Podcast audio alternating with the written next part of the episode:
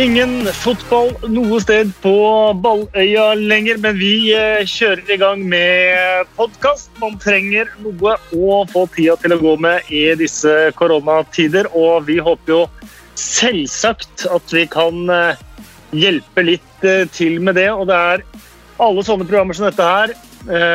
Alle blogger, kommentarer, kronikker som skrives, så, så begynner man alltid med I disse tider så er fotball uviktig. Det er viktigere ting enn eh, fotball eh, etc. Og til en viss grad så stemmer jo selvfølgelig det. Men samtidig så har jo disse dagene også vært en påminnelse om hvor viktig fotball faktisk er. Fotball er viktig også i koronatider. Fotball er viktig også når de store spørsmålene og de store bekymringene herjer.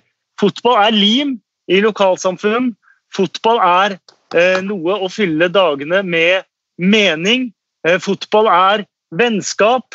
Eh, fotball er bånd. Fotball er identitet. Og uten fotballen nå så merker vi også eh, hvor mye vi savner fotballen, og hvor mye vi savner eh, våre venner og våre kjære til å ha fotballen eh, sammen med. Og det skal vi heller ikke glemme, og det skal vi savne. Og vi gleder oss til fotballen er eh, tilbake. I podkasten i eh, dag så har vi med Simen Stamse Møller. Eh, hvordan er, hvordan er tiden? Du, um, foreløpig så, så, har jeg fått den til å gå ganske greit, altså, men jeg er jo helt enig i alt det du sier. Det, det, ganske, det, tar ikke så lang tid før man savner fotball. Altså man kan bli eh, litt, litt, mett noen ganger, men man blir så innmari fort sulten igjen at uh, det, det, gjør rett og slett litt vondt da, å ikke ha noe fotball å se på. Liksom. Jeg, jeg, det, jeg, er mye med familien, da. det er jo kjekt det, liksom. Men etter hvert så, så, Når det blir kvelder og det går mye samme tralten, og der er det Dagsrevyen meg her og debatter meg der, og så, så savner jeg jo fotball. Jeg må innrømme det, ja. Eh, men det går, det går greit. Er du i karantene for tiden? Egentlig akkurat ute av eh, karantene, men jeg har bestemt meg for at jeg skal um, være en god borger og, og, um, være i en sånn slags um, semikarantene. Rett og slett bare holde meg litt unna folk og ikke gå ut. Så veldig mye. Nå har det vært bra vær ute. Har heldigvis veranda, så jeg har vært der en del. Men, uh, men hels, helsa, til, helsa min og til de rundt meg er bra, da. Og, men allikevel så er det greit å holde litt avstand og, og respektere reglene. Så det vi egentlig venter på, er dine vannevideoer fra verandaen. Ja, ja, det er sant. På Instagram. Men, ja. Om jeg kommer meg på plantasjen, kanskje. Jeg vet ikke. Ja, nei, Det er godt innspill. Å ja, du har ikke noen stauder, altså? Nei, nei det, ganske, det, har vært ganske sesongbasert, eh, det greiene der. Altså. Men det er mulig at, jeg, mulig at jeg må heve meg litt og rett og slett gå for mer helårsprosjekter. Ja, vi har det jo på samme måten eh, her. Vi lar jo ikke barna våre drive og henge med folk, eller henge noe særlig ute eller, eh, eller eh, noe annet. Så selv om vi er friske og raske, så høres det sikkert på lyden at vi sitter helt hvert vårt sted og adskilt. Og jeg må jo bare komme med den lille oppfordringen der da, mens vi ennå er i det litt snusfornuftige hjørnet. at hvis du hører på denne podkasten samtidig som du er sammen med 30 andre på en fotballbane, eller du lar ungene dine være sammen med 30 andre på en fotballbane, eh, så må du huske at de aller, aller fleste de holder seg eh, atskilt og vekk fra andre mennesker av hensyn til andre mennesker. Så fint om du også eh, deltok i den dugnaden. Så har man sagt det. Så kan vi jo egentlig starte podkasten med en god nyhet. TV2 Sumo setter ned prisene til 179 kroner i måneden for Premier League-kunder. Eh, en god nyhet eh, til det er jo at eh, faktisk kommer ut. Kom gjerne med innspill til gjester vi kan ha med i nye podkaster. Da tar du kontakt på Twitter-kontoen vår, 2plpod. Og så går jo mange artige programmer på Premier League-kanalen. Når vi mangler fotballen. I morgen, altså på onsdag fra 19 til 22, så skal tidenes Premier League-skåring eh, kåres eh, mellom klokka 19 og 22. 64 kandidater møtes i et turneringsoppsett à la VM. Puljer og sluttspill. Og så stemmer man fram eh, de favorittene man selv har i sportsappen. Jeg tenker umiddelbart på Alexander Tettis scoring mot Sunderland. Husker du den? Ja, jeg gjør det. Helvolley fra 25 meter. Ja, det For en vanskelig oppgave. Det der, blir, det der, blir, fett. Eh, jeg må innrømme at sånn med en gang så tenker jeg på den chipen til Cantona. Men det er, det er ikke ja, det, Den er høyt der oppe. Men mål blir bedre og bedre jo lenger tid det er siden. Jeg har sett den et par ganger etterpå, det er jo helt nydelig, men um, det er jæsklig vanskelig å rangere mål. altså Hvor pene de er, for de er så forskjellige. Ja, så er det det at eh, konteksten i, ja. hvor, da, i, i, hvor, og når og hvem som skårer målet, er selvfølgelig viktig. Sånn sett så kommer det Wayne Rooney-skåringa mot ja. eh, Manchester City enormt høyt. Det er hele pakka, ja. Mm.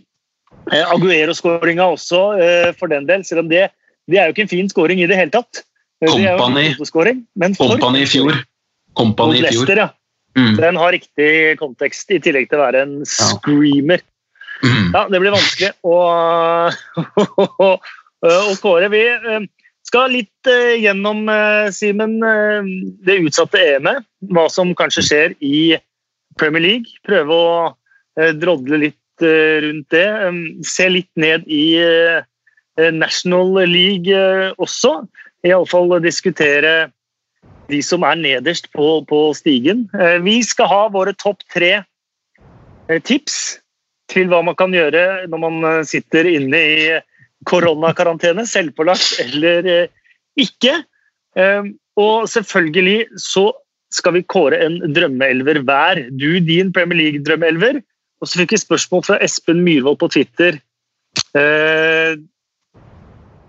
Det gjorde vi ikke. Vi fikk spørsmål fra Alexander Weber på Twitter eh, om å sette opp et lag med de beste spillerne man har intervjua.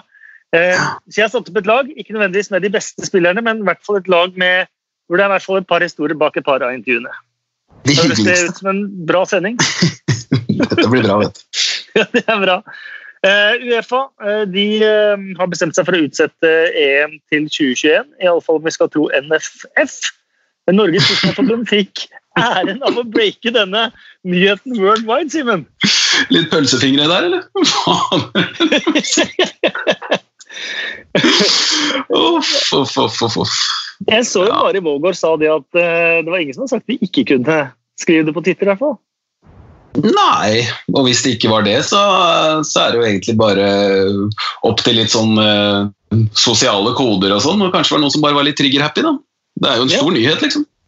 En veldig, veldig stor nyhet. og NFFs Twitter-konto da sitert over hele verden på at EM eh, blir utsatt. Men dette gir jo da i hvert fall ligaen, ligaene, og da eh, i og med at dette er en Premier League-podkast, Premier League, kanskje en mulighet til å spille seg ferdig.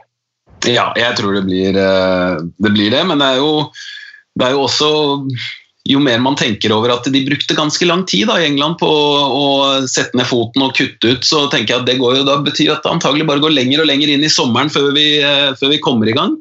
Eh, men hvis vi skal se positivt på det, så, så det jo, kommer det flere somre med fotball. Da, for da blir det vel først nå klubbfotball denne sommeren, og så blir det EM neste sommer, og så blir det vel noe U21-EM og litt sånn eh, sommeren etter der igjen. Eh, hvor det ikke hadde vært noe fotball. Det blir VM, VM, faktisk. U21 Nei, VM på vinteren. Ja, VM på vinteren, ja. Ja, Da er det kvinne-EM. Ja. Kvinne-EM og U21-VM Nei, EM, riktig. Ja. Sommeren 2022. Ja. det stemmer. Fordi at uh, VM der skal vi gå fra er det 17. november til 17. desember. eller sånt. Jeg skal ikke forholde meg til det VM-et der. Men uh, uansett, det har vært uh, mange ulike scenarioer som har vært foreslått. spille ferdig må jo være prioritet uansett. Mm. Eh, annullere sesongen har jo da eh, vært et annet eh, alternativ som er høyst reelt og på, på bordet. Ja. Eh, men nå vil jeg jo tro, da, i og med at det, det, drar ut i tid, og at man må fortsette å spille nesten ut på, tidlig på høsten, eh, så er det veldig spennende å se hva som skjer med landslagspausene da, neste år. Det har vel ikke kommet noe klart eh, der ennå, men det er jo det er jo sikkert en mulighet for at uh, type sånn Nations League Det spøker litt for det. Um, så vidt jeg forstår, Nations så kan det være en mulighet. Ja. ja, Nations League er fort ferdig. Jeg leste mm. i en eller annen avis i dag at England kan ha spilt sitt siste landskap et år, faktisk. Ja, ja sånn, som det, sånn, som det ser ut, sånn som det ser ut nå. Men landslag er jo det som definitivt blir prioritert ned, vil jeg, vil jeg tro. Um, hvis sesongen da skulle uh, annulleres, bør Liverpool likevel få uh, ligamesterskapet? uh, altså de, Det som er greia, at de, de bør jo det, men holdt på å si, hva hvis det hadde vært tightere? Uh, da hadde jo, det kommer jo altså Hvis det hadde skjedd, så hadde det jo blitt så mye mas eh, om det i all evighet. Eh, Eh, fordi det rett og slett er fortsatt en teoretisk mulighet, liksom. Men eh, alle som forstår noen ting, skjønner jo at Liverpool har vunnet den serien. Eh, men ja, det er, det er jo et de, de, de, kunne jo ikke ha fått det heller, liksom, fordi det har skjedd syke, syke, syke syke ting i fotball. Så da ville alltid noen kunne peke på det og si at det er, oh, det er mulig, det er mulig. Og det hadde bare blitt sånn irriterende greie å følge, tenker jeg. altså.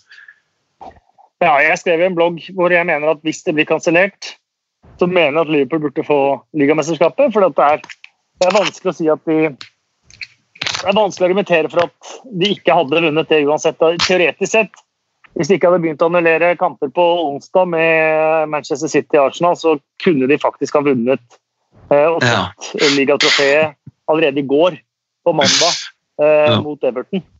Eh, så langt foran ligger de. Samtidig så, så, er situasjonen annerledes nede i, nede i bånn, spesielt for Aston Villa, som har kamp til gode. Hadde vært over streken hvis de hadde vunnet den kampen til gode. Så sånn sett så er vel Det var han eh, lederen i, i Brighton, Paul Barber, han foreslo vel stopp sesongen, gi eh, ligatrofeet til Liverpool. Ingen nedrykk, de to øverste championship rykker opp. 22 lag neste sesong. Ja. Eh, også nedover i divisjonssystemet det samme. Også neste sesong fire nedrykk, to opprykk, så han var tilbake til 20 lag igjen. Eh, ja. For meg så syns jeg faktisk det høres ut som en fornuftig løsning. Ja, men det, er, det, blir, det blir, vel ikke sånn blir det da, Kasper? Det blir spilt fotball her. Den sesongen kommer til å fullføres. Hadde Det er ni, ni, kamper igjen. Eh, ti for noen. Ja. ja. Nei, jeg tror nok det, den blir spilt ferdig. Altså. For det det er jo akkurat det, da. Hvis man så hvordan situasjonen var for en uke siden, så hadde man nesten trodd at sesongen ble spilt ferdig for tomme tribuner eh, til riktig tid. Mm. for en uke siden så snakka jo NFF om at eh, ja, vi forstår om vi må spille for tomme tribuner mot Serbia, men det er en viktig hjemmekamp for oss, så eh, ting, ting, er nok Det er ikke sikkert at vi er i gang med å spille fotball igjen i september, for å si det sånn. Nei, nei det er jo ikke det. Det, og det er jo veldig, sånn jeg skjønner, så er det jo veldig forskjellig fra land til land hvor, eh, hvor lang tid de kommer til å trenge for å komme over denne kneika. og Uff a meg! Nei, det, det, er vanskelig å vite noe. Men, eh, men jeg, jeg, tror jo at sesongen 2019-20 kommer til å bli fullført. Det er, det er en, jeg har bare en sterk følelse av det. Altså. Så har jeg ikke noe sånn vi vet jo ingenting. Vi vet jo ikke hvordan det kommer til å se ut om en måned eller to eller tre. Men jeg, jeg tror at den blir fullført. Ja, for det er jo akkurat det også. Eh, eh, Champions League-datoen er nå satt til 27.6. Eh, uten at noen mm. vet om man, noen spiller fotball 27.6. Idet fotballen skal spilles igjen, så trengs det en oppkjøringsperiode. Man kan ikke spille hvis man sitter i karantene nå, kan ikke gå rett ut og spille, spille 90 minutter på, på toppnivå. Eh, det vil jo heller ikke rettferdige forutsetninger eh, med tanke på verken Champions League eller en, eller en avslutning på, på sesongen. Um, Final Four-sluttspill i Istanbul for Champions League. Uh, Gdansk for uh, Europa League. Um, jeg vet ikke hvordan det, det vil fungere heller. Det er, det er, veldig mange forslag på bordet uten at noen vet når det kan spilles fotball igjen. Det er jo det, er jo det store spørsmålet. Da. Ja, og så er det jo um, så Vi så jo at uh, Hareide er ferdig i Danmark, men sånn er jo tilfellet for mange spillere også. altså Kontrakter som går ut uh, siste dagen i juni, f.eks. Det, det er jo helt sprøtt. altså at, uh, at folk kan spillere kan rett og slett være klubbløse før den setter i gang med en sesong som ikke er ferdigspilt. Da. Det kommer til å bli kaotisk uansett. Du har tre eksempler her. Da. Eh, det er hele frontlinja Chelsea vant med siste kamp. Pedro, William, Giroud. Alle tre har eh, kontrakter som går ut 30.6. juni. du har David Silva, Dorian Fraser, Jan Fertongen, Jeff Henrik. er noen av de som har kontrakter som går ut 30.6. Ja, ikke sant. Så kan du ha si et lag som ligger nedi der og, eh, og kjemper om å holde plassen. da. Signerer tre-fire av de. det er jo Nei, det er, det er merkelig. Altså. Ja. Uh, uff, nei, det er nesten ikke som man uh, kan, uh, kan, tenke på det. Karen Brady fikk jo masse kritikk da da hun mm. i sin spalte tok til orde for å bare annullere hele sesongen. Eh, mele sin egen kake, Western ligger dårlig an, bla, bla, bla. bla, bla. Eh, berettiget kritikk, eller, eh, eller la en få gjennomgå for mye?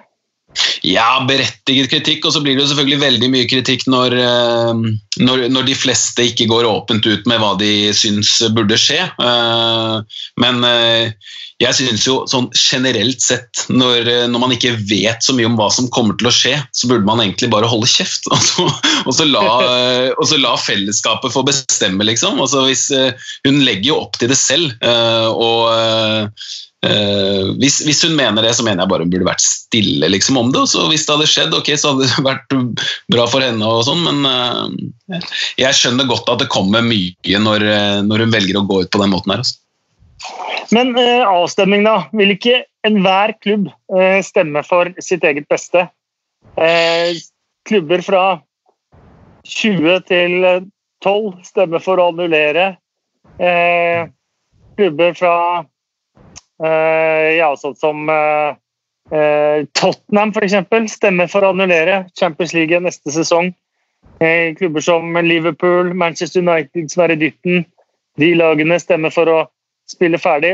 En avstemning vil jo heller aldri kunne bli Det vil jo bli urettferdig uansett hva man detter ned på her, på et eller annet vis. Ja, det er jo sant. Og det er jo veldig ofte det er veldig ofte sånn det er med alle mulige ting i fotball. Da, at Om det er dommeravgjørelser eller hva søren det er, så, så, er, det, så er, det, subjektivt. Uh, men det er jo noe av det som er grunnen til at jeg tenker at uh, Ikke for enhver pris, men uh, man burde strekke seg ganske langt for å få fullført sesongen. Og, og, det kommer til å se sånn ut. Hvis det hadde vært avstemning, så, så, blir det jo sånn som du sier, at hver klubb kommer til å stemme etter sin sak og situasjon. Ja, Vi får se hva som, uh, som skjer. Det er kommet veldig mange uh, mange uh, forslag på Twitter, i hvert fall til meg, over ulike måter å få både få gjennomført og få avviklet sesongen på. Det vil anta at det er like mange meninger rundt deg blant de som, som styrer. og De skal jo ha et innledende møte på torsdag, noe som det var jo planlagt. Vi skulle vente til Uefa hadde kommet til sin konklusjon angående EM. Eh, men så vidt jeg skjønte, var det preliminære samtaler på torsdag som skal fortsette også ut neste uke. Det jeg derimot syns Premier League burde gjøre nå, det er jo å komme med datoer. Hvis vi ikke er i gang med de siste ni rundene innen 1.8 eller 1.9 eller 1.10, så gjør vi det eller det eller det, sånn at det ligger en det ligger en plan i bånn som alle kan forholde seg til. Da. Mm. Eh, I og med at vi har et virus som er nesten helt umulig å forholde seg til eller planlegge etter. Da. Mm. Ja, er, den kjøper jeg absolutt. Altså, noen eh, datoer hadde vært kjekt for alle. Eh, og, så, og, så, kommer det helt sikkert ikke til å bli kjempegod stemning uansett da, når det nærmer seg den datoen, og så er det noen som vurderer det dit hen at det burde spilles osv. Men uh, det skal, altså det, I England også så er det jo det er jo en statsminister der som virker som at han eh, vender kappen etter vinden og, og bestemmer seg for forskjellige ting annenhver dag. Så det, det, det kan eh, det, blir jo eh, Det blir jo veldig mye prat om dette her, garantert hit og dit og til, fram og tilbake. Men det er, det er ikke dumt Kasper, at vi kunne fått noen datoer å forholde oss til. Det, det tror jeg er mange som kunne tenke seg nå. Etter beskjeden fra Uefa så er det i hvert fall godt å se at et par Liverpool-supportere som har levd veldig nervøse, litt ovenpå igjen. Frank, på, nei, Frank Øverland på Twitter. Perfekt! Nå får vi bedre tid til å avslutte den sesongen vi er i. Og kanskje United-fansen ser laget sitt greie å avslutte på den livsviktige femteplassen som heter alle solemerker i rødt i spill i Europaligaen. Ja, Deilig å kunne føle seg litt ovenpå igjen. Jeg tror det Ja. Liverpool-supportere har hatt det vondt med. Ja, men jeg tror altså Selvfølgelig så har det jo Det har jo vært veldig mye eh, diverse innlegg på spesielt på Twitter og sosiale medier og sånn som, som går på at det er typisk at når de skulle vente i 30 år, så var det selvfølgelig ikke en atombombe, men det var det nest sjukeste, liksom. Og det var jo et, en pandemi. Eh, men eh, den, den andre delen eh, av det han er inne på, vet jeg ikke helt om jeg kjøper. For United har jo egentlig De kom jo inn nå i en ganske, en ganske lang pause med en kjempegod følelse i laget og i klubben. og den, eh, det er en Bedre følelse har du ikke hatt på lang lang, lang tid. og Så kan Rashford eh, kanskje komme tilbake, og så kan Pogba muligens bli med igjen. Han er tilbake i trening. Så jeg syns jo, eh, synes jo det virker som at United er på et veldig bra sted akkurat nå. Begge klubber egentlig. Liverpool fikk seg en liten knekk nå med noen, med noen exiter her og der, men, men United er jo på en god vei. Altså. Det, jeg synes det var gledelig å se hvordan de har, eh, de har sett ut nå, spesielt de siste par-tre ukene før, eh, før det ble pause. Eh, definitivt. Og femteplass kan jo også gi eh, rett til, eh, til Champions League. Eh, Manchester City har jo også problemer med dette som skjer nå, for de får jo ikke opp anken sin eh, i denne pandemitiden. Og det betyr jo at eh, den utestengelsen som står, er jo eh, rettskraftig. Eh, Mm. Så lenge de, det ikke nå er anledning til å, å, å føre ankesaken. Eh, sånn som det ser ut nå.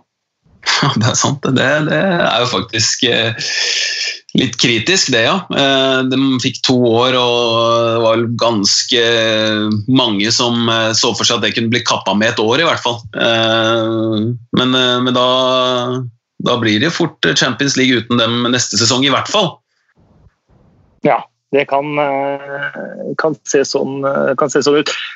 Bjørn Martin Berge han har jo en veldig godt, godt innspill på, på Twitter her. Eh, mirakelet i eh, Istanbul eh, i 2005, da Liverpool vant eh, Champions League. Det var jo nesten eh, så man ikke skulle tro det, og nesten for godt å, til å være sant. Eh, så han spør hvis denne sesongen nå blir nulla ut, har vi det endelige beviset på at Benitez solgte sjela til klubben til djevelen i pausen på Alta ja, ja, ja. Den er grei. 100 Ja, faktisk. Oi, oi, oi. Eh, De som eh, hadde runde i, i helga, men som nå har, um, uh, har avlyst de også, det var jo National League og nedover. Altså gamle conference, altså fra femte nivå og ned. Um, La merke til at mange kalte det en slags grådighetsgreie av eh, ligaen, av klubber. De hadde store tilskuertall, noen av dem, i og med at det var det eneste fotballen som ble eh, spilt. Det er ganske sykt at de faktisk spilte eh, med Mm. folk på tribunene. Eh, Samtidig så ser vi at det er jo de klubbene som rammes hardest, og Mm. mye hardere enn enn Premier League-klubbene. Meldingen kom i dag om at Barnet har sagt opp alle sine ansatte. Eh, De kan jo ikke si opp spillere eller permittere spillere, sånn som man kan i Norge i England. Så spillerne er fortsatt under kontrakt. Eh, Men samtlige 60 ansatte i klubben, alt fra resepsjonist til vaskehjelp, eh, til trener til alle de andre, eh, de er sagt opp i Barnet, og de blir nok ikke siste klubben som er nødt til å ta, gå til det skrittet. Nei, det er tragisk. Eh, når det gjelder at kampene ble spilt, så er det jo lett å dra en parallell til eh, diverse events her hjemme. En stund, eh, noen dager der, så var det opp til hver enkelt kommune å vurdere hvor mange mennesker de skulle ha inne på hver konsertarena f.eks. Og da ble det satt et tak på 500 mennesker. Ja, ok, greit, 500 mennesker, men et sted det er plass til 500 mennesker, så blir det jo sild i tønne. Men en konsertarena som tar 2000, så ville jo 500 mennesker vært greit. Da. Men akkurat på disse små stadionene stadionet i, eh, i, England, så er det jo selvfølgelig sild i tønne med, med 500 000 cirka rundt der eh, personer. og eh, de, de, har jo innsett alvoret litt seinere enn det vi har. Så det er jeg er absolutt med på at det, er, det, ser helt dust ut at de spilte de kampene, men eh, samtidig så må man kanskje hva skal jeg si, sånn, Før man moraliserer for mye, Eh, skjønne at det hørtes litt sånn ut her hjemme en stund nå. At, eh, og jeg tror, ja. sånn Som i Italia så tenkte de hva i alle dager, hvorfor avlyser de ikke bare alt? Gjør det nå, please, med en gang, liksom. Mm. Uh, men, uh, men, men, men, det, det er nå det. Er det. Det sagt så er det altså sånn at uh, i en Premier League-klubb kunne, hatt, kunne spilt med gratis inngang en hel sesong uten at det hadde tatt knekken på klubben på noe som helst uh, måte med alle de andre inntektene de har. Uh, for klubber jeg har sett at Accrington har vært ute og prata om det. Uh, for Barnet, som har måttet si opp alle sine ansatte, så er, så er matchday revenue, altså billetter til kamp og det kiosksalg på kamp, det er hovedinntektskilden. Det er det de tjener penger på. Det er der de finansierer driften sin. Så de er i en helt, helt annen situasjon enn Premier League-klubbene. Og det har kommet og ytret ønske nå om at Premier League kommer med redningspakker nedover.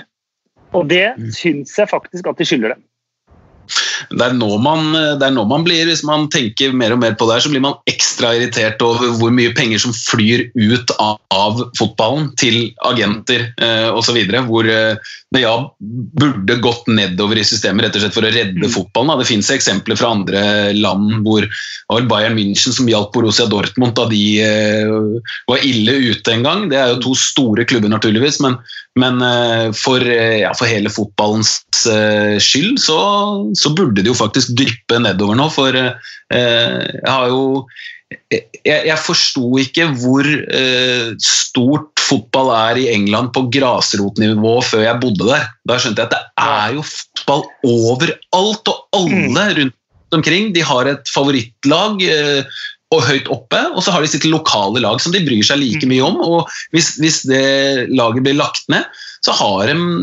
da, det gjør livet ganske mye kjedeligere. Da, for det er grisedyrt å gå på kamp og se Chelsea eller Liverpool eller hvem det måtte være for de som heier på dem, men så kan de gå og se på Accrington eller på Biggleswade eller hva det måtte være, da, og, ja. og, glede seg over det. Det er fotball for, for veldig mange. da. Ja, det er jo det, og det er jo, veldig mange av disse klubbene er jo hjørnestener i lokalsamfunnene. Eh, mhm. selv om de spiller i National League eller League 2 eller på sjuende nivå, Eh, så er det de 500 tilskuerne, de 2500 tilskuerne, de 5000 tilskuerne. Det det er veldig mange av de klubbene som hele eh, byen eller eh, bygda er bygget opp rundt. Mm. Sånn at, at, Premier League skulle dele de pengene, spesielt nå. For dette her er De pengene som de taper og som brekker ryggen på disse klubbene her, det er kanskje én ukelønn for én spiller i Premier League. Ja, ja. Det er jo sånn også. Eh, sånn som den eh, var det, det tror jeg syvende divisjon, hvor han, eh, Jamie Vardy spilte da han måtte ikke spilte fotball på ordentlig, men bare hadde et lag. da Jobba på fabrikk og spilte for Stocksbridge Park Steel. og Hadde, hadde ikke den klubben eh, eksistert, så hadde han antagelig ikke spilt fotball en dag i dag. Da. Det, er jo, det er jo der det starter for veldig mange. Det er mange som må som, og, og, noe som er kult med de små Du sier at det er liksom uh, hjørnesten uh, i samfunnet og sånn. Der er det jo På hver eneste liten, lite klubbhus så er det en pub. Da. Det er utrolig mm. fett. Det er liksom, og På kampdag så kommer folk en time eller to før kamp, og så blir de en time eller to etter kamp og drikker og koser seg og prater om fotball. Det er liksom et sted for uh, alle på lørdagene. Da. Ja, samfunnshus. Det, det er vanskelig, vanskelig, å helt eh, begripe hva det er før man ser det med egne øyne. Jeg visste ikke om det, og bare jøss, her, dette er faktisk Det er dette som er eh, hjem, deres andre hjem, på en måte. Mm. Så denne Premier League-podkastens oppfordring til de store klubbene er i hvert fall redde de små nå. Og vis mm. at det finnes et, et hjerte, hjerte også. Um, ja, det er eh, korona. Det tar de aller eh, fleste hensyn eh, til i sitt gjøren og laden i hverdagen. Simen og jeg vi sitter stort sett inne med familien vår, møter ikke andre mennesker. Mason Mount, som spiller for Chelsea, han er en lagkompis som har testet positivt for korona i Callum Hudson Odoi. Men han tok likevel en tur på Løkka med noen kompiser, bl.a. Westhams Declan Rice. Hmm. Ja. det er uansvarlig. Ja, selvfølgelig er det det. Uh, han uh, Bare tenke at han ikke innså alvoret skikkelig, da. Altså, jeg, jeg, jeg, tror såpass godt om folk da. at jeg tenkte liksom at det, eh, det var jo ikke noe i noe vond mening, men at, at han snarere liksom altså Når man når man ser, når man ser uh, at det spilles fotball for fulle tribuner noen eh, et par dager i forveien, liksom, så, så, er det kanskje vanskelig for en ung kar å, å, å vite at det der eh, det, det, ser jo selvfølgelig dumt ut. da. Og så Kanskje han lærte litt av det, og så håper jeg at det ikke er noe som kommer til å forfølge han altfor lenge. For jeg tror det er en god del uh, mennesker der ute som gjør sånne feil, og de Eh, de mest kjente, altså fotballspillerne, de, eh, de, de, de storyene går jo da, viralt. ikke sant? Og eh, han har nok lært en lærepenge der, ja. Du er for grei, Simen, men jeg støtter deg på det. Det er en ung, er en ung, ung kar, men samtidig Man må vite det, spesielt når han har vært i nærkontakt antageligvis med en koronasmitte. Hva slags fare man utsetter andre mennesker for. Eh, mm. hvis man gjør, eh, gjør, sånne ting. Og så håper han har lært av, av det. Ja. ja. ja jeg, jeg, tenker det. Ja, nei, men vi, vi, er jo, vi, er jo, enige, Kasper, og jeg tror alle andre også tenker at det, det var uh, uansvarlig. Men, uh, men jeg, jeg, Det er lett å skjønne frustrasjonen til uh, jeg får nesten si alle vi, men og alle dem som faktisk lytter til de voksne i samfunnet og, og se folk eh, reise rundt på hytta, samle seg i store eh, mengder eh, det ene eller det andre stedet, og egentlig bare gi blaffen. da. Ja, det er jo eh, Jeg tenker det er jo mye verre å lese om at en lege for eksempel, som jeg leste i dag, en lege har dratt på hytta. Det, etter at legene og eh, Folkehelseinstituttet sa at vi ikke skulle gjøre det, da tenker jeg det er ganske mye verre enn at en uh, ung fyr drar og spiller fotball, som han selvfølgelig ikke burde gjort. Enig. selvfølgelig. Brune Fernandes, månedens spiller for eh, februar, for å ta det litt uh, sportslige. Mm. Uh, det er vel relativt fortjent? Ja, det er fortjent. Eh, der må jeg innrømme at jeg har blitt litt, om ikke forelska, så i hvert fall betatt. Da. Jeg, jeg syns det er et eller annet med han der som eh, ja, det bare pirrer. Eh, det, det, det, er mange veldig veldig gode fotballspillere, men han får det til å se jeg vet ikke, lekent ut liksom, å gå inn med den prislappen, med de forventningene, med det sirkuset, den lange transfer-sagaen der. Og så bare være så rolig og eh, gjøre alt med den største selvfølgelighet. Nei, det har vært en glede å se han i Premier League. Altså. Der er vi to. Simen, eh, det har vært helt fantastisk med Brune Fernandes. Og akkurat den eh, spilleren Manchester United trengte i, til rett tid også. Uh, skal vi lage en liste eller to? Det kan vi gjøre. Topp tre ting å gjøre her man sitter eh, innesperret mellom eh, fire vegger med maks en liten luftetur alene midt på dagen. Um, noe av det første jeg gjorde Man tenker jo her skal man få til å gjøre masse. Nå har jeg masse tid, nå får jeg eh, dyrket alle mulige interesser. og alt sånn. Så har det vist seg at i og med at jeg har en toåring i hus, så, så er det ikke så lett å få Man får ikke så mye egentid. Jeg blir litt sånn barnehageonkel eh, eh, egentlig på dagtid. Men jeg, det første jeg gjorde, var at jeg gikk ned i boden og fant fram alle mulige gamle sånne fotballting, og deriblant en diger pose med fotballkort. Å gå gjennom da og bare kikke på fotballkort fra da jeg var liten, eh, og spesielt sånn rundt fra, fra 94 til 99 ca., det har vært en deilig reise. Altså, så det er min første anbefaling. Det var en veldig bra anbefaling, og jeg føler meg jo så eldgammel for mine fotballkort!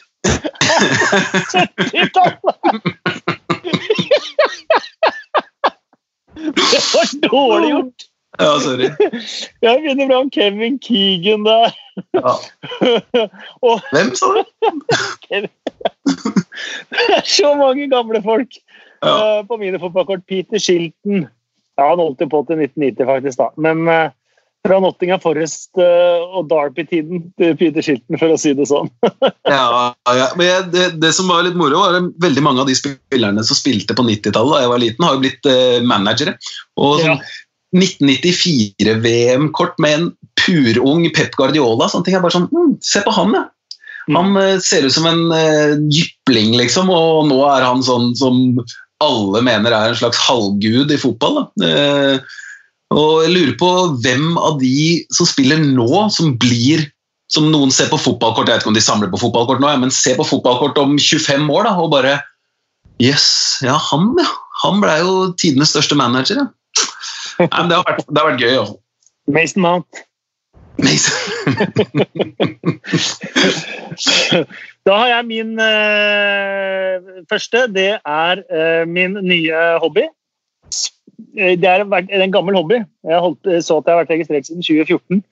Eh, men min nye hobby er å lage. Det er sporkle. Sparkle? sporcle.com. Eh, Det er en quiz-side. Sporkle.com. Jeg trodde du sa sparkle. Nei, sparkle, sparkle er ikke min hobby. Sporkle. De har, de har eh, bokstavelig talt seks-sju millioner quizer. Eh, veldig mange av dem om engelsk eh, fotball og Premier League. Eh, jeg har begynt å lage egne. Eh, De linker jeg til på eh, den eh, Twitter-kontoen til podkasten her. To PL-pod. Eh, mange som eh, har kastet seg på den bølgen. Eh, Blir du først, roter du deg først inn der og begynner å ta quizer, så kan du fort slå i hjel en to-tre timer bare på å kvisse deg. Og det er en perfekt måte å holde eh, hjernen litt i gang. Eh, For jernteppet kommer fortere enn du skulle tro. altså. En av quizene var si alle lagene i de topp fem-ligaene, liksom. Mm. Eh, Jeg kom bare til 19 i Premier League, jeg. Ja. Ja, ja, ja. fordi jernteppet tar. Eh, Ja. Man får i gang hodet. Man har masse mimrekvisser. Det er fra 70-, 80-, 90-, 2000-, 2010-tallet. Alt mulig. Eh, Den siste quizen eh, jeg lagde, var eh, nordmenn som har skåra fem mål eller flere i Premier League. ja. Jeg lagde en quiz med nordmenn som har spilt ligakamper i England, men aldri på øverste nivå. Oi! Det er 44 stykker. Og jeg ser at kun 3-4% har klart flere enn 20. Det er en veldig morsom quiz. Sporkle? Sporkle.com. Det er mitt uh, første tips. Ja, det var ikke dum i det hele tatt. Nei, det er ikke dum i det hele tatt, den. Eh, tips nummer to, Simen. Åh, den er jo egentlig ganske enkel, men uh, se igjen-ting. For uh, det er jo en litt oppbrukt uh, floskel, eller en ja, klisjé, at det er ingenting som blir så fort historie som en fotballkamp. Og det finnes Nå har jo vi vært så heldige at arkivene åpnes jo rundt omkring. Da. Premier League har åpna arkivene for oss, som vi viser en del kamper på premium og sumo og sånt. og så og så kommer det også eh, etter hvert litt med noe mesterskap og kanskje noe Champions League og sånn som vi får lov til å vise klipp fra. Eh, og ellers så, så er det egentlig bare hvis man har tid å, å google, gå, kom, finne litt rundt noen sånne Mm. gamle VM-krøniker og alt sånt. Helt nydelig. altså. Og man ser igjen nye detaljer hver gang. En gang i året så ser jeg sånne svensk televisjons VM- og EM-krøniker. Og da eh, glemmer jeg veldig fort hva det var som skjedde. så Det er nesten, nesten liksom som å gjenoppleve det igjen. Eh, og vi blir jo Vi får jo fotball tredd nedover ørene våre hver eneste uke. Men jeg er sånn, jeg, jeg, husker ikke helt hva som skjedde i enkelte kamper før jul. da. Bare, men mm. så, Ti år tilbake, 15 år tilbake, fem år tilbake. Eh, se igjen det Leicester drev med i 2015-16. Det gir meg mye, faktisk. Vi var jo vi på Leicester-Liverpool sammen. Den 2-0-skåringa til Vardi der. Ja, stemmer det. Ja, Det var gøy. oh, Jesus. Nei, det er minne for livet, altså. Ja, det er minnet for livet. Og det morsomme var jo at da Ian Wright la ut skåringa på, på, Twitter, så var det med vårt kommentatorspor. Ah! Ja. Oi, oi, oi, det visste jeg ikke. Jeg er lov å være litt stolt av. Ja, enig. Um, og, i, i, forlengelsen av det du sa der, da, så uh, må jeg jo få uh, foreslå uh, på TV2 Sumo å se Simen i England en gang til. Eh, det var en fantastisk eh, serie å følge deg i Biggerswade. Eh, jeg husker at du møtte min sønn første gang. Det mhm. var, var det hos Ålesund, det, må han tro. Også på Grefsen stadion. Dere hilste, og første min sønn sa til deg God, god til å ta straffer, du! Det var jo samme med, samme med Pochettino da jeg møtte han før vi satte i gang intervjuet ja, med ham. På, så hadde jo GM som skrev bok om han den sesongen, hviska han i øret at jeg akkurat hadde bomma på en straffe. Who take the penalties there? jeg fikk mye, fikk mye, dritt den våren der, gitt. Ja, og har du barn på mellom 8 eh, og 20 år, så kan du definitivt se Simen i England sammen. Eh, mm. Min sønn elsket den uh, serien. I tillegg så har vi den Premier League 100-serien, som er fantastisk bra. Portrett på de, en del av de spillerne som har skåra over 100 mål i Premier League. Dion Dublin, spesielt bra, kanskje. Mm. Jeg skal anbefale noe. Ian Wright også veldig veldig bra der. Og så har du, hvis du søker season review, f.eks. Premier League, eller English Football League eller et eller annet på YouTube, så får du sesong, mange sesongvideoer.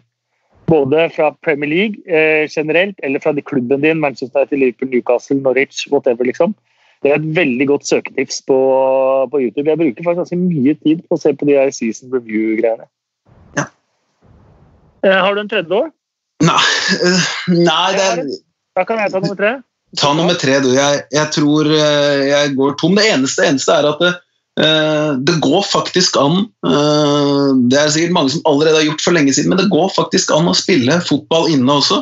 Flo-brødrene ble, eh, ble gode mye fordi de spilte fotball inne og brukte om det var komfyr eller et eller annet som mål, om de brukte et skrivebord som mål eller hva det er det er kun kreativiteten som stopper deg fra å spille en, ha en straffekonk hvis du har et søsken eller hva som helst. Straffekonk det blir ikke mer moro enn du lager sjøl, og du kan faktisk få ganske mye glede av uh, sånne små turneringer som man lager uh, hjemme på rommet, bare.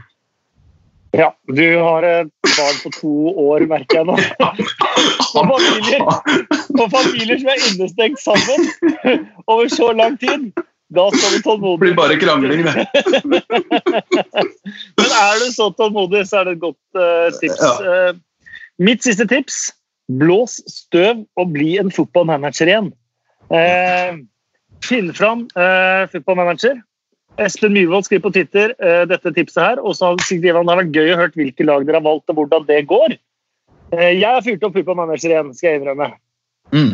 kommet inn i sesong fire allerede, faktisk, med Norwich. Wow. eh, ja, ikke noe nedrykk. Eh, men heller ikke noe bedre plassering enn eh, to åttendeplasser. Eh, og den fjerde sesongen nå har starta fryktelig dårlig nå. Altså. Så nå er, lurer jeg på om tilliten til styret er tynnslitt etter å ha blitt bortskjemt med noen gode resultater i flere sesonger med meg som manager. Så vi får se hvordan, eh, hvordan det går. Ja, du, du, har jo du, Jeg tror du er den jeg kjenner som, har, som liksom generelt bruker mest tid på eh, å få med deg sport. Da. Og Det er ikke bare fotball, men det er liksom sånn på natta. så Hvis jeg våkner og går inn på Twitter, så er det sånn så har du sittet og sett noe NHL eller noe sånt. Ja, ja. Enten så trenger du veldig lite søvn, eller så har du en sånn helt sinnssyk appetitt på alt mulig rart, eller så er det en blanding av de to. Det tror jeg er en veldig god blanding av de to. Jeg sliter jo alltid slitt med å sove på, på nettene, dessverre. Eh, det har sine positive og negative. Okay, hvor, hvor, lenge, hvor, lenge, har du sittet og spilt footballmanager denne uka? da, på det lengste? Hvor lenge har du vært våken? liksom? Eh, Jeg må legge det vekk. Eh, Problemet er at man ikke ofte sovner etter det heller. Og da har man jo ofte hatt sport da, man kunne sitte og se på. Jeg har slitt med det nå, da, i og med at jeg ikke har hatt noe sport å, sport å se på. Men da blir det ofte en sånn season review da, på YouTube. Ja. Eh, Og så sovne til det. Det er ganske, ganske fint, faktisk. ja. ja, det høres deilig ut. Eh, Vi har et par eh, drømmelag. Mm. Eh, På oppfordring da altså fra Alexander Weber skal jeg sette opp mitt drømmelag av spillere jeg har intervjuet. Du har satt opp ditt drømmelag av eh, fra din tid med å følge engelsk eh, toppdivisjon.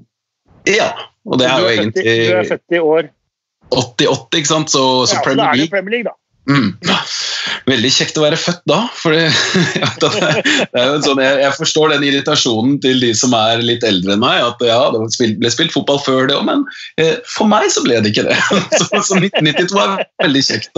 Premier League, da starta fotball. Ja, da er jeg spent. Ja, nei, jeg, jeg, jeg har starta altså Min første måte del av uh, laget mitt, så i keeper og forsvar, så, så går jeg mest på litt sånn typer og kanskje eh, prøver å være litt original, eh, men etter hvert så blir det mer og mer kvalitet. da. Eh, og det er personlige favoritter på en eller annen måte, og jeg må bare ha det sagt at dette er ikke nødvendigvis det laget jeg mener har bare de beste spillerne, men det er en salig blanding av kvalitet og typer som jeg har blitt glad i. Eh, I mål, i mål Peter Schmeichel. Jeg kommer ikke unna altså, jeg klarer ikke å finne eh, den miksen av en, eh, altså, kvalitet og en karakter da, i en og samme fyr. Eh, sønnen har jo noe av det. For de som ikke så, eh, så far i, eh, i sine glansdager. Sønnen har jo noe av det. Temperamentet, tilstedeværelsen, kvaliteten og alt sånn. Men eh, faren hans var jo spik spenna gæren eh, og grisegod. så den miksen der har gjort at han får plass i mål. og Så kan jeg, eh, for at ikke dette skal bli altfor langt, eh, høyre Ja, apropos eh, keeperen din og min eh, intervjuer. ja, Jeg intervjuet altså sønnen hans mm -hmm. på Meløs stadion i Moss eh, for tips. Eh, etter en, og da var han førstekeeper i den lille perioden han var førstekeeper i Manchester City. Ah. Eh, etter en U21-landskamp mellom Norge og Danmark. Og jeg, det var så få eh, journalister og andre der at eh, det var rett og slett rom for at vi bare kunne sette oss på gressmatta eh, etterpå og ta et langt intervju etter matchen. ærlig, da. Det er jo helt herlig. Forsvar. Du, eh, det er litt spesielt, det. Men eh, jeg har på høyre bekk Ivanovic. Jeg vet ikke, Det er bare et eller annet med han som jeg har jeg bare blitt så glad i hele fyren. Eh, holdningen hans det er bare sånn, Han virker som sånn steinmenneske, eh, men som samtidig har etter hvert skjønt er veldig morsom. Eh, at han er en sånn som eh, de som har spilt med han har blitt veldig glad i. Da. Så har vært litt kaptein, visekaptein både for klubb og landslag. Jeg har skjønt liksom at han er en fin fyr. Og da stemte liksom det jeg følte da jeg så han, så ble jeg alltid litt sånn derre ah, Ivanovic, han liker jeg. Høyrebekker er jo liksom ikke den posisjonen hvor Ja, det er jo ikke det mest eh, Den deiligste Det har blitt litt mer det etter hvert. da, Litt mer eh, fine, deilige fotballspillere på høyrebekk. Men uh, ja, Ivanovic. Han står der. Og på motsatt side så har jeg en som har holdt på veldig lenge. På sitt beste var uh, blant de aller beste i ligaen på sin posisjon. Jeg tror også han har vært på årets lag én gang, og det er Leighton Baines. Ja! Han skulle vært på mange flere av de lagene der. Ja, ikke Mange flere skulle han vært. S- uh, høyt toppnivå, uh, herlig fyr. Deilig frispark en periode, i hvert fall. Eh, ja, Straffer. eh, straffer i tillegg, sant det. Og så, nå kommer det jo, vet du. Eh, eh, altså, typete og kvalitet i en og samme greie. Colo Touré. Eh, ja. Midtstopper. Colo Touré. Bare en sinnssykt god forsvarsspiller og en kjempekarakter. Vi glemmer hvor god han faktisk var på sitt beste. Helt riktig, for han har nesten blitt en sånn uh, figur. Han. Ja. Uh, liksom Colo Touré, ha-ha. Men Mm. han var sykt bra. Ja. Ekstremt god. Uh, og så har jeg tatt det jeg mener er den uh, mest undervurderte midtstopperen uh, i Premier League-årene, og det er Ricardo Carvalho for Chelsea. Ja. Jeg må bare ha en litt sånn, jeg føler for det når jeg setter opp sånne lag at jeg må ha en miks av alt mulig rart. Så det her er, eh, her er eh, the unsung hero på mitt lag. Da. Det er Carvalho, som jeg syns Mm. bare var svinbra. Eh, Champions League med Porto og dro rett til Chelsea og ble ligamester med så å si null unnslupne mål. Hun slapp jo ikke inn mål, og eh, akkurat liksom passe eh, drittsekk uten at liksom det ble sånn helt PP-idiot, liksom. Men eh, han er sånn jeg aldri ville ha møtt hvis jeg var spiss. Mm, så nå stopper det jo litt med eh, hva skal jeg si, sånne profiler, da, som typer, og så går det mer, på kvalitet etter hvert. Kan ta midtbanen, Det er liksom ikke noe vits å snakke så veldig mye mer om disse, men eh, Paul Scholes er der. Eh, David Silva er der, og eh, mellom dem eh, så spiller Yaya Toré. Da, Nå fikk du vi et brødrepar, faktisk. jeg gjorde det. Jeg er glad i de. Ja, de er fine.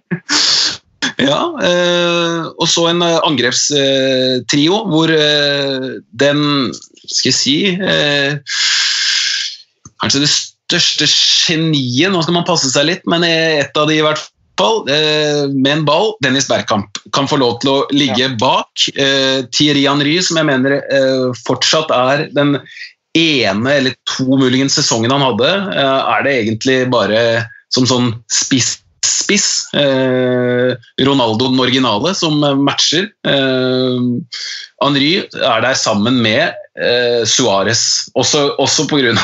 den ene eller to sesongene han hadde. Det er bare sånn nå, nå går det på ren kvalitet, eh, Mm. så blir det de. Altså, og topp, toppnivået deres, liksom. Kult! Yeah. Bergkamp eh, bak de to eh, passer jo bedre enn eh, Jeg vet ikke om du husker da Roberto Mancini spilte i samme rollen for Leicester? Det gjorde han kanskje. Nei, jeg Ja. husker ikke det så godt. Nei, han spilte jo eh, Jeg vet ikke om du husker Trevor Benjamin og Ada Akimbayi? Ada Kambai, selvfølgelig. I- Legende. Ingen av, ingen av de kunne trikse to. Det, det er Eh, riktig. Og Mancini lå bak de og tredde genial ball etter genial ball. Men de løp motsatt hver gang! Jeg tror ikke de var bortpå én av stikkerne til Mancini. Uff, Eh, Før Mancini bare strakk hendene i været og bare "Dette- Dette går ikke. er. Og han er ikke bedre enn sine medspillere. Ja, Hva er det. Er. Ja, det var fint lag det, Simen. Vi hadde jo en eh, litt mer offisiell kåring på denne podkasten litt eh, tidligere. Da ble det veldig eh, styrt av eh, prestasjoner og alt Mm. mulig. Jeg må si at jeg likte et eh, mer sånn Dette har jeg vokst opp med, dette elsker jeg lag. Mye, mye bedre, egentlig. bra. Det var deilig. Det verste, det verste er at vi har én spiller eh, overlappende. Oh. Ja, det, det kommer vi til. Eh, Alexander Weberg spurte altså sett opp et lag med de beste spillerne dere har intervjua. Jeg har tatt min lille vri på det her. Eh, for Man har jo intervjua mange gode spillere, og så kan man Hva er et intervju, liksom? Mm. Eh, mange av de intervjuene vi gjør etter kamp, det er to spørsmål. Eh, og det er sånn ikke lov til å spørre om noe annet enn eh, si at du var flink. Hvor, eh, var du skuffa over at du tapte, eller var du glad for at du vant? Ja. Og that's it. Så kan man si hvor mye man kan kalle det et intervju. Eh, så Derfor så er det ikke de beste spillerne i intervjua som jeg har eh, tatt med her. Det er mer bare at eh, eh, det må ligge bitte, bitte litt mer bak, da. Ja. I mål, Tim Krul. Rett og slett, for det er det første jeg husker. Han har stått i en tier på Old Trafford. Jeg hadde vært på en av mine første turer til England og kommentert. Eh, Manchester United 1, Newcastle 1. Tim Krohl hadde ikke han, så de tatt med fem. Eh, det gjorde de ikke. Eh, stort for meg å intervjue han da, eh, så han får den. Eh, forsvar. Eh, begynner med Viktor Lindeløv. Mhm. Eh, før Manchester United, eller Vålerenga-Manchester United, eh, så skulle vi jo da gjøre noen intervjuer og sånn i forkant av den kampen. Eh, da var Manchester United i Washington. Eh, så vi ble faktisk sendt til Washington for å intervjue Lindeløv et par til.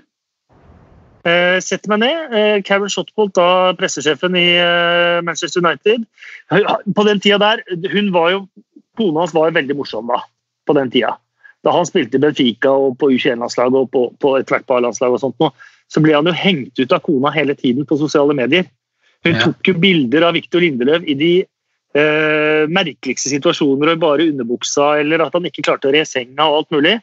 Eh, veldig, veldig veldig god humor. Eh, så spør jo hun pressesjefen eh, hva skal du spørre om. Nei, jeg skal spørre om ditt, og så skal jeg spørre om datt, og så det. Ok, Og så har du vel tenkt å spørre om uh, dama hans, sier hun. Og så sier jeg ja, tenkte det hadde vært litt morsomt. Ja, det kan du glemme. ok. da ble det ikke det. Nei. Uh, I forsvar også, David Lewis. Ja. Uh, for han alltid er en utrolig morsom kar. Og så sier han alltid et par setninger på norsk først. Det er jo veldig gøy når du Den gangen da du prata norsk det huet han satte opp der, det glemmer jeg ikke. ja, han sto og gjorde det. Det var veldig rart, for alt jeg gjør da Jeg ser jo i kamera, jeg ser jo ikke han. Men jeg la merke til at alle de som sto bak kamera, de begynte å le.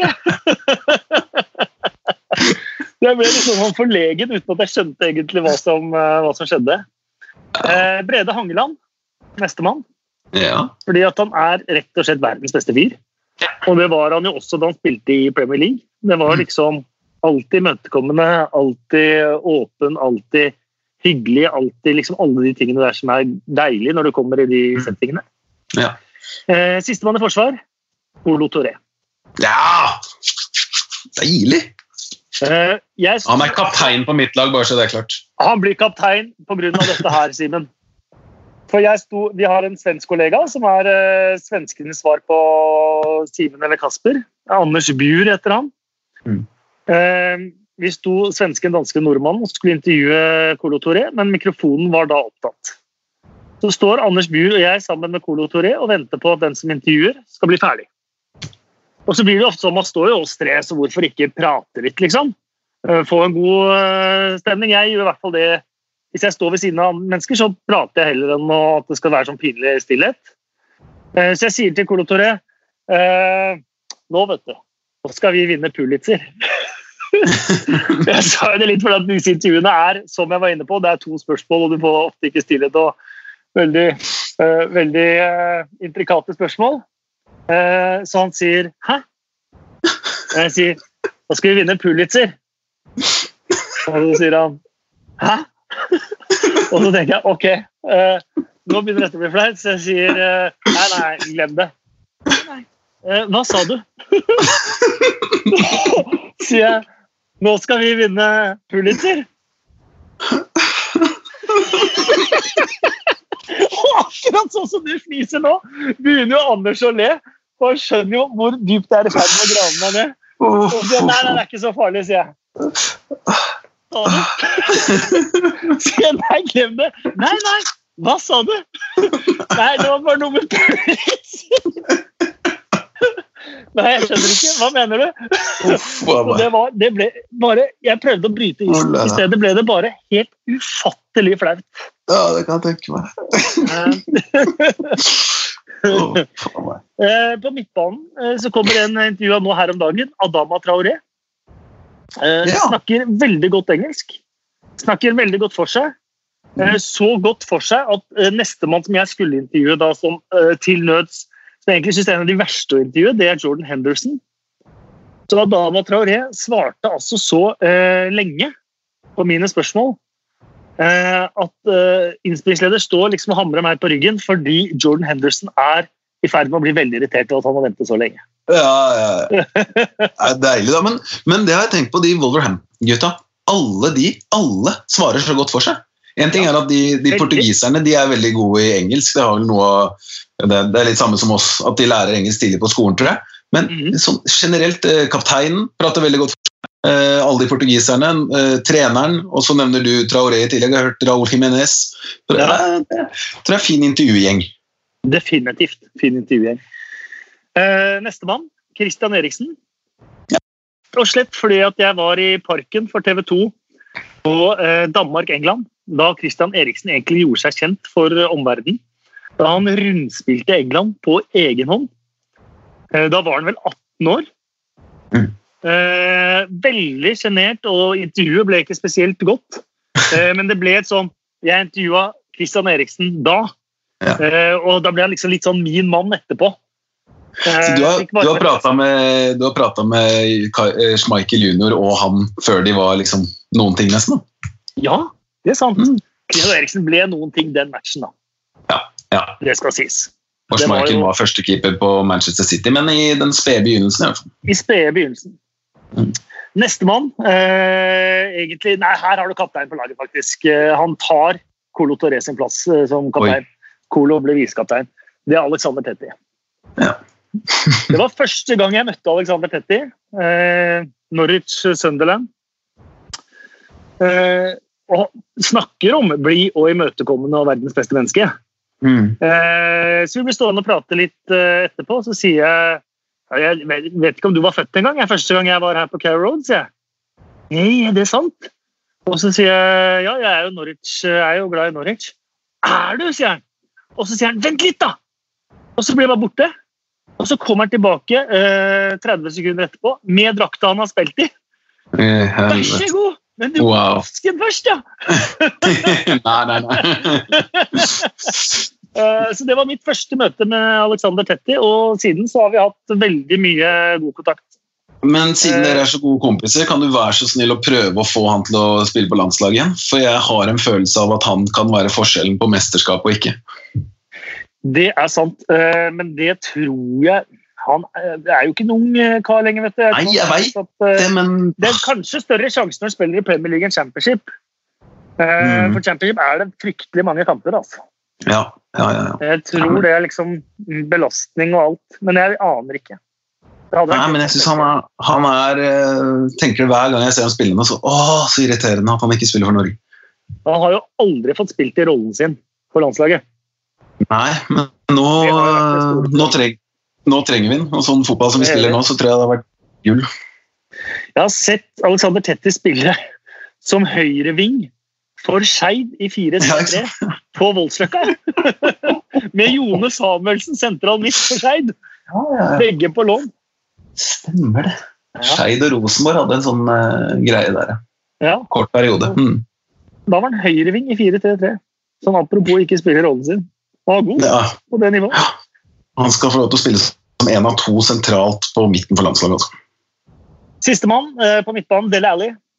Eh, rett og slett fordi at når han har tapt, så føler man seg som en som akkurat har sendt han en sånn der, eh, takling i knehøyde. Når han blir litt sånn der, Du ser i øynene hans at han egentlig er rasende. Det er så deilig. Eh, ja, det er det. Men det er så deilig! Jeg synes det er så ofte at det er liksom spillere går av banen, så ser det ut som at bare, ja, de er ferdig på jobb. liksom. Uansett åssen det har gått. Ikke det lærlig. Eh, på topp eh, Andy Carroll. Eh, Mm. Også fordi at, eh, fordi at han gir eh, ofte intervjuene litt mer eh, mening. Bra, bra fyr som vil veldig gjerne gjøre sitt aller beste for sitt lag til enhver tid. Jeg tror han er ekstremt lojal sånn sett. Er mitt inntrykk. Ja. Det kan være feil. Han har, sikkert sine, han har sikkert sine sider, men ja. Det har han sikkert. Joshua King. Ja. Jeg er fryktelig glad i eh, Joshua King. Ja, jeg, jeg, det har alltid vært, må jeg si. Jeg, også han så jeg på Voldsløkka første gang, eh, som 15-åring. I en eh, U19-finale, hvor Vålerenga-keeper Frode Larsen ble den store helten i straffekonken. ja. Eh, en kamp Jo Inge Berge, Harmet Singh, eh, Trofella, Matt Dahm eh, var blant spillerne som spilte den eh, finalen. Ja. Og da var Joshua King fire år yngre enn de andre. klarer du på stående fot å nevne en bedre spiller fra Oslo gjennom tidene enn eh, Joshua King? Henning Bjarnøy. Hvem? Proffen! Okay. Proffen! Har du ikke hørt om Proffen? Jeg skal love deg, og de på min alder fra Oslo vil jeg også si at så å si samtlige norske spillere fra hans tid til i dag har stein i skoa sammenligna med Henning Bjørnøy.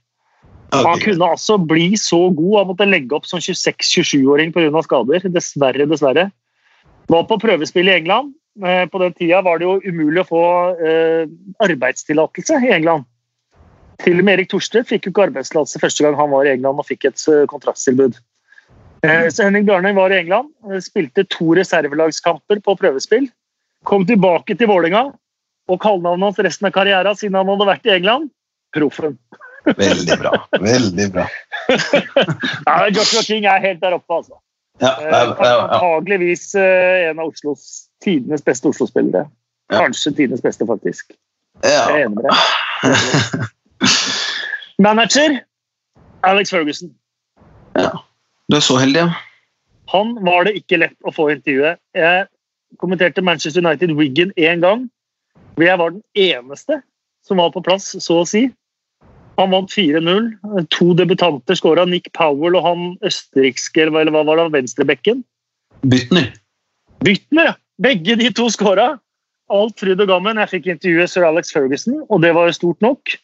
Men hans siste seriemesterskap, da det ble sikra hjemme mot Aston Villa, 3-0-kampen der, eh, så kommenterte jeg sammen med Henning Berg. Og eh, Henning Berg eh, klarte å ordne så jeg fikk det siste oh, seriemesterskapintervjuet med sir Alex Ferguson. Oh, det var stort. Ja, det, jeg har fått intervjue Arsen Wenger. Da. Det er min, uh, hvis jeg skulle hatt en manager på et sånt lag, så er det ikke noe tvil om det. Det, det er jo liksom aldri hatt en så sterk følelse av uh, det å være både starstruck, men også føle meg uh, velkommen. Han var ja. sykt fin fyr, liksom, Arsen Wenger. Det, da skjønte jeg liksom, bare på de ti minuttene jeg hadde med han der, så skjønte jeg hvorfor, eller hva alle spillerne han snakker om. Da, når de har snakket om at han er så lojal og grei med alle. Fy søren, for en fin fyr. Ja, det er mitt inntrykk òg. Jeg har bare hatt av de korte. Du hadde jo sittet ned med han, hadde du ikke det? Ja, jo. Ja. Jeg hadde det. Kunne sitte der eh, lenge, lenge, lenge, men jeg fikk bare ti minutter. Ja, og kommentator eh, John Motsen. Ja. Legenden. Forbinder jeg med Fifa. Definitivt. Og det er jo det vi alle mest gjør. Med den tilgangen vi hadde til utenlandske kanaler og engelsk, så er det jo mer mannen, myten, legenden mm. Eh, John Motsen. Eh, men det var ufattelig morsomt å få intervjue han foran hans nest siste kamp kommentert for Match of the Day noensinne. Mm, jeg visste han skulle legge opp da, så jeg jobba jo lenge for at jeg skulle få et møte med han før han, før han la opp. Min må være Kasper Wikestad, altså. For en fyr. Ja, fin fyr, altså. ja, Ingen som har hørt han kommentere heller. du, hadde, du, hadde, fort vært på noe sånn hvis vi skulle hatt Fifa. Ja, det er deg og et par-tre andre da, som hadde vært eh, alternativene. Men hvis vi skulle hatt en norsk Fifa-kommentatorspor, det har vi vel aldri fått? Tror. Nei, Arne Skeie var vel innom da det var lydkommentering på CM. På ja! Ja. Det er kanskje sant. Mm. Nå står det lavt batterinivå her. Du, eh, vi nærmer oss uh, slutten. Uh, vi har egentlig et par innspill fra Twitter til, men de kan vi ta neste gang. For nå har vi holdt på i nesten en time. minner igjen, da. ta kontakt med oss på Twitter for to PL-pod. Gjerne med innspill til temaer vi kan ha på podkasten i og med at det ikke spilles kamper. Gjerne med innspill til gjester. håper du kan komme igjen også, Simen. Det gjelder å holde folk sysselsatt. Ja, helt riktig. det er sant. Eh, og så håper jeg at det går bra med alle sammen. Ta vare på hverandre. Og som Erna sier, eh, ta vare på hverandre ved å ikke være sammen. Eh, hør på hva de voksne i samfunnet sier. Hør på hva Erna Solberg og helsemyndighetene sier. Vær et medmenneske og ikke påfør andre noen risiko ved å oppføre deg uansvarlig. Det får bli de siste ordene, og så håper vi at eh, fotballen er tilbake snart, Simen. Ja, vi gjør det. Dette var koselig, Kasper. Veldig, veldig fint, og veldig hyggelig at uh, du som hørte på, hørte på. Og vær uh, trygg og frisk.